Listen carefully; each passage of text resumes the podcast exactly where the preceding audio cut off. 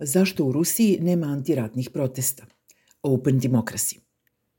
Invazija na Ukrajinu i posebno mobilizacija najavljena u septembru bile su šok za rusko društvo. Čak i po provladinim anketama, milioni ljudi u Rusiji nezadovoljni su ovim događajima, a najviše mladi.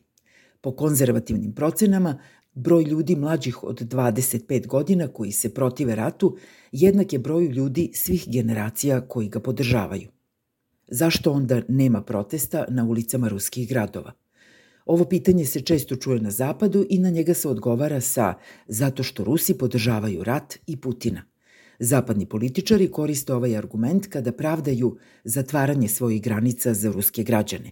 Njihova poruka glasi borite se u svojoj zemlji. Ovaj stav češće iskazuju istočnoevropski političari i građani i to je razumljivo. Oni bolje razumeju patnje Ukrajine jer se sećaju života pod sovjetskom okupacijom i boje se ruske invazije. Jedna analogija može nam pomoći da razumemo odsustvo aktivnih protesta u Rusiji. Što se tiče represije i ideologije, Putinov režim je sličan sovjetskom po tome što svesno usvaja neke elemente staljinističkog režima – Od je počeo rat, u Rusiji su usvojeni zakoni po kojima vojnici koji se predaju ukrajinskim oružanim snagama mogu biti osuđeni na zatvorsku kaznu u trajanju do 10 godina. Onaj ko širi lažne vesti, to jest informacije o ratu koje su u suprotnosti sa zvaničnim stavovima, mogao bi da odleži do 15 godina u zatvoru. U Rusiji možete biti kažnjeni čak i ako koristite reč rat, a ne zvanično odobren izraz specijalna operacija.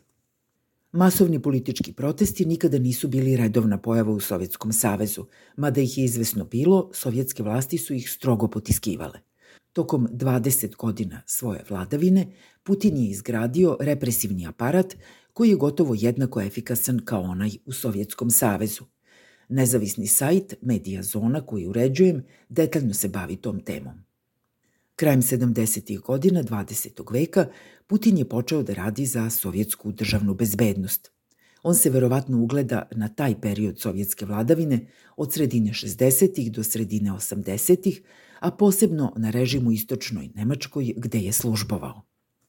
Ali, pored zabrane protesta, gušenja nezavisnih medija i progona novinara, postoji još nešto po čemu je rusko društvo slično sovjetskom – Ruska država je potpuno odstranila građane iz političkog života u zamenu za stabilnost i postepeni rast životnog standarda, bar u velikim gradovima. Važno je shvatiti i to da u Rusiji dugo nije bilo izbora u zapadnom značenju te reči. Kada vidite izborne rezultate Putinove vladajuće stranke Jedinstvena Rusija, setite se lažiranih rezultata na nedavnim referendumima u južno-istočnoj Ukrajini gde je navodno 90% građana glasalo za pridruživanje Ruskoj federaciji. Uzgred, ti rezultati su neobično slični onima u baltičkim državama posle sovjetske okupacije 1940.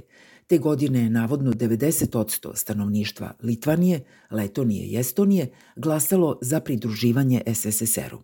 Ukratko, tvrdnja da ruski građani podržavaju Putina jer on stalno dobija izbore, nema mnogo smisla. Rezultati istraživanja javnog mnjenja, mada ne uvek pouzdani, još su jedan izvor informacija o tome šta misli rusko društvo. Nezavisni sociolozi do duše govore o sve većem broju ljudi koji odbijaju da odgovore na pitanja anketara. Posle invazije Ukrajine, ruski sociolozi su sugerisali da postotak ljudi voljnih da odgovore na pitanja ne prelazi 5 od 100. Onima koji na to pristanu nije lako – Na primer, ako ne podržavaju rusku invaziju, kako će odgovoriti na pitanje da li podržavaju ruske vojne operacije u Ukrajini, kada postoji mogućnost da njihov odgovor povuče novčanu ili zatvorsku kaznu. Dakle, posle 50 godina represije, ruski građani se plaše da protestuju. Oni izbegavaju svaki kontakt sa ruskom državom – Istovremeno, uprkos ponuđenim ogromnim platama do 4000 evra mesečno, ruska vojska nije uspela da nađe dovoljan broj dobrovoljaca za rat u Ukrajini. Ruske vlasti već dugo ubeđuju građane da su ulični protesti besmisleni i da mogu samo da pogoršaju stanje stvari. Godine 2020. desetine hiljada stanovnika Habarovska, grada na dalekom istoku Rusije, izašli su na ulice da protestuju protiv hapšenja regionalnog gubernatora Sergeja Furgala, koga su smatrali politički motivisanim.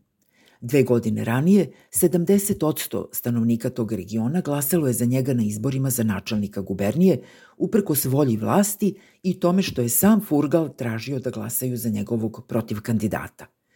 Ali vlasti su se bezobzirno oglušile o volju glasača i marševi u kojima je učestvovalo više hiljada građana su se postepeno osuli – Vlasti nisu učinile ni jedan ustupak i postavili su drugog gubernatora koji je na sledećim izborima pobedio zahvaljujući izbornim mahinacijama. U današnjoj Rusiji, koja ima milion policajaca, protestovanje je jednako opasno kao što je bilo u Sovjetskom savezu. Zato ljudi biraju druge načine da iskažu neslaganje sa zvaničnom politikom, a jedan od njih je i odlazak iz zemlje. Oni koji su otišli iz Rusije nakon što je proglašena mobilizacija, strahovali su da će poginuti u ratu ili završiti u zatvoru ako odbiju da se bore. Za mnoge od tih ljudi protest nije bio alternativa. Bekstvo je bilo bezbednije. Mnogima od onih koji su otvoreno protestovali u velikim gradovima uručen je poziv za mobilizaciju. U savremenoj Rusiji, kao i u Sovjetskom savezu, služenje vojnog roka se smatra nekom vrstom kazne. Svako ko ruskim građanima prebacuje kukavičluk i nedostatak volje da se bore za svoja prava, treba da zna da Rusija sve više liči na Sovjetski savez. Eto zašto nema antiratnih protesta.